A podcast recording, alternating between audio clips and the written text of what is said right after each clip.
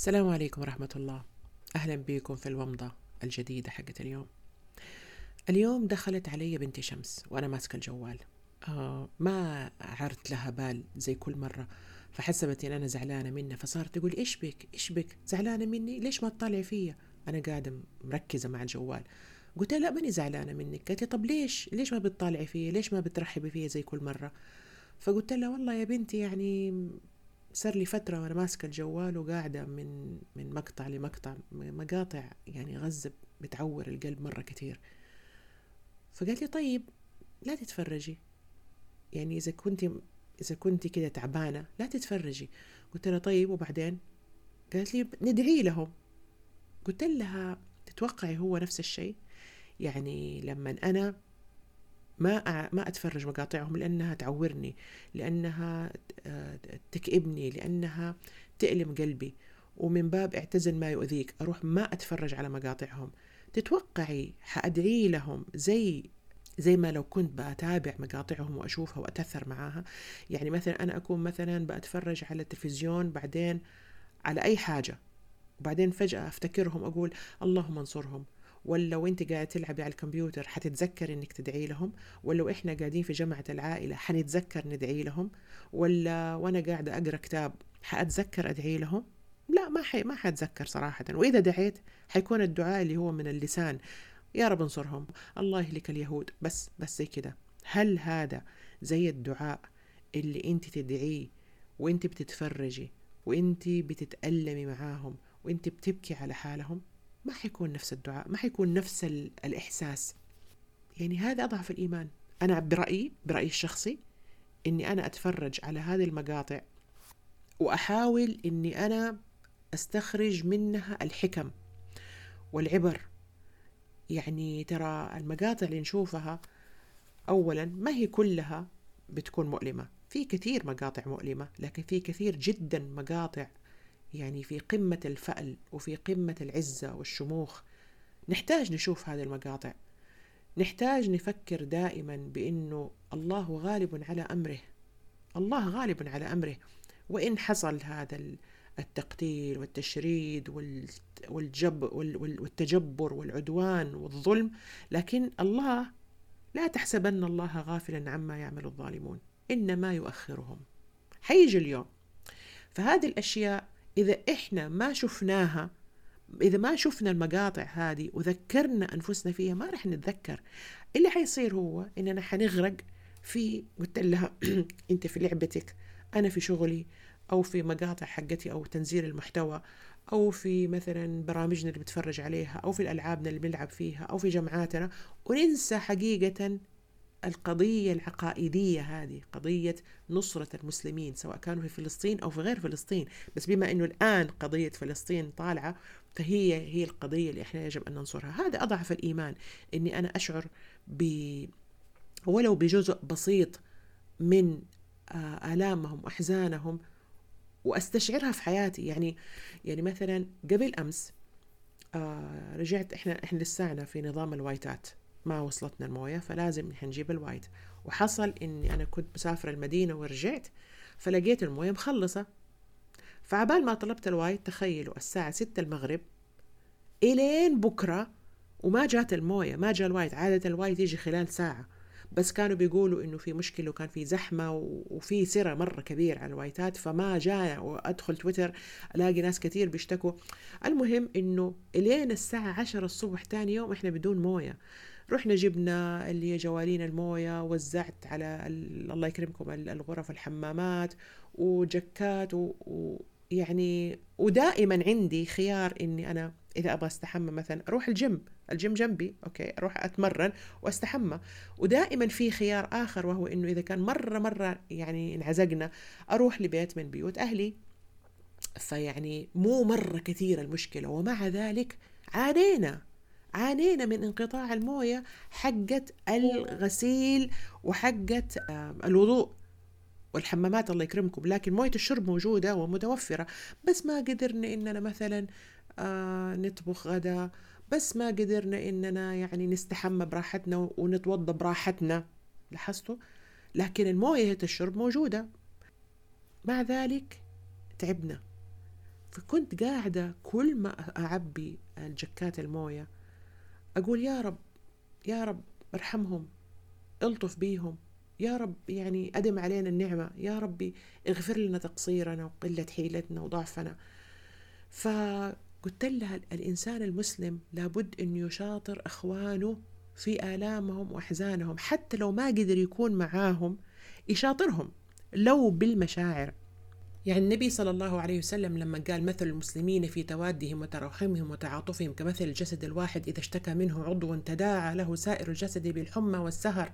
قلت لها بالحمى والسهر هل إحنا شكلنا في حمى وسهر؟ لما تداعى العضو الثاني ولا شيء ولا شيء أقلها على الأقل نشاركهم في الآلام. يعني لما أنا أشوف وحدة مقطع لوحدة بتبكي وتقول وهي مذهولة مخها مخها غاب عنها. هي بتقول ماتوا ولسه ما أكلوا. يعني هي الآن الأم هذه مأثر فيها إنهم ما أكلوا ماتوا قبل ما ياكلوا. طب هم ماتوا؟ يعني ما هي هي ما بتفكر في إنهم هم ماتوا. هي بتفكر إنهم راحوا قبل ما ياكلوا. شوفوا الأم بتفكر في إنه أولادي جوعانين. قلت لها وهنا سبحان الله وأنا بحكي هذا الكلام أدركني البكا لأني أنا أم زيها. وممكن أكون بفكر بنفس الطريقة إنه أولادي ما أكلوا. ماتوا صحيح ماتوا بس إن شاء الله يا رب إنه هم في جنات النعيم الآن يأكلوا من رزق من, من, من رزق الجنة. لكن في النهاية هو ما أكلوا. هذا اللي يهمها. لما أشوف الولد الصغير يتألم ويقول أنا جوعان. قلت له إحنا قديش نجوع؟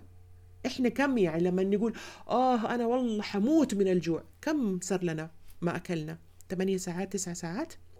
وإحنا عارفين إنه حتى لو كان ما اشترينا أكل من برا ولو ما طبخت ولو ما ماني مقضية أقل شيء أقل شيء إلا ما يكون في علبة تونة في في الدولاب تفتحيها في جبن جبن ما أو خبز ما. قلت لها هدول جوعانين جوعانين متى آخر مرة أكلوا؟ وإذا بدهم يأكلوا إيش حياكلوا؟ هل عندهم شيء ياكلوه في الخراب اللي هم ساكنين فيه؟ قلت لها يا بنتي لازم إحنا نشوف هذه الأشياء. إيوه ونعور قلوبنا. إيوه ونتألم علشان لما ندعي يطلع الدعاء خالص من قلبنا علشان نكون معاهم في أحزانهم على الأقل. في غزوة تبوك كانت تبوك بعيدة مرة عن المدينة. وفي شدة الحر وفي مفاوز لابد أن تقطع ولابد يكون في يعني ظهور يركبوا عليها. لازم يكون في جمال لازم يكون في حيوانات يركبوا عليها عشان يقطعوا المسافات هذه. مو كل الناس عندهم القدرة إنهم يشتروا وما كان في عند كل الناس أسلحة. فكان يروح للنبي صلى الله عليه وسلم وبعضهم مرضى ما يقدروا ما يقدروا يركبوا المسافة هذه كلها. فكانوا مرة يعني متألمين إنهم هم ما هم قادرين يروحوا. يعني آه، راحوا للنبي بعضهم راحوا للنبي صلى الله عليه وسلم يطلبوا منه إنه مثلا يعني يا يا رسول الله يجيب لي بعير أركبه أحط عليه الزاد حقي. ف فكان يردهم أحيانا فيقول والله يعني لا أجد ما أحملكم عليه. فكانوا يطلعوا وهم يبكوا. فيقال إنه يعني هذه واحدة من من من أسباب نزول آية قوله تعالى تولوا وأعينهم تفيض من الدمع حزنا ألا يجدوا ما ينفقون. إيش النبي صلى الله عليه وسلم قال في غزوة تبوك؟ قال للصحابة اللي ضربوا المشوار ده اللي اتهلكوا في الحر اللي كانوا بيحاربوا واللي أنفقوا من أموالهم من أموالهم وأنفسهم. قال إن بالمدينة لرجالا ما سرتم مسيرا ولا قطعتم واديا إلا كانوا معكم شركوكم في الأجر حبسهم العذر.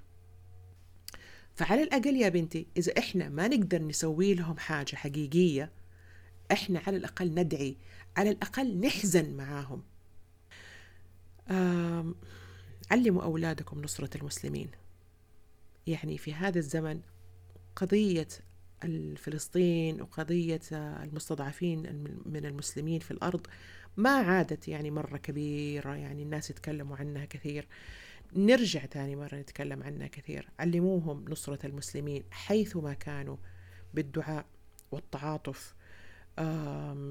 بالتعاطف يعني زي كده. يشوفوا مقاطع ويتأثروا ويدعوا لهم لأنه دعاء الإنسان المتأثر الحزين فعلا ما هو زي دعاء الإنسان اللي بس سامع عن وجود مشكلة وأثناء لعبه وأثناء فرجته وأثناء يعني حياته اليومية العادية يا رب انصرهم يا رب انصرهم.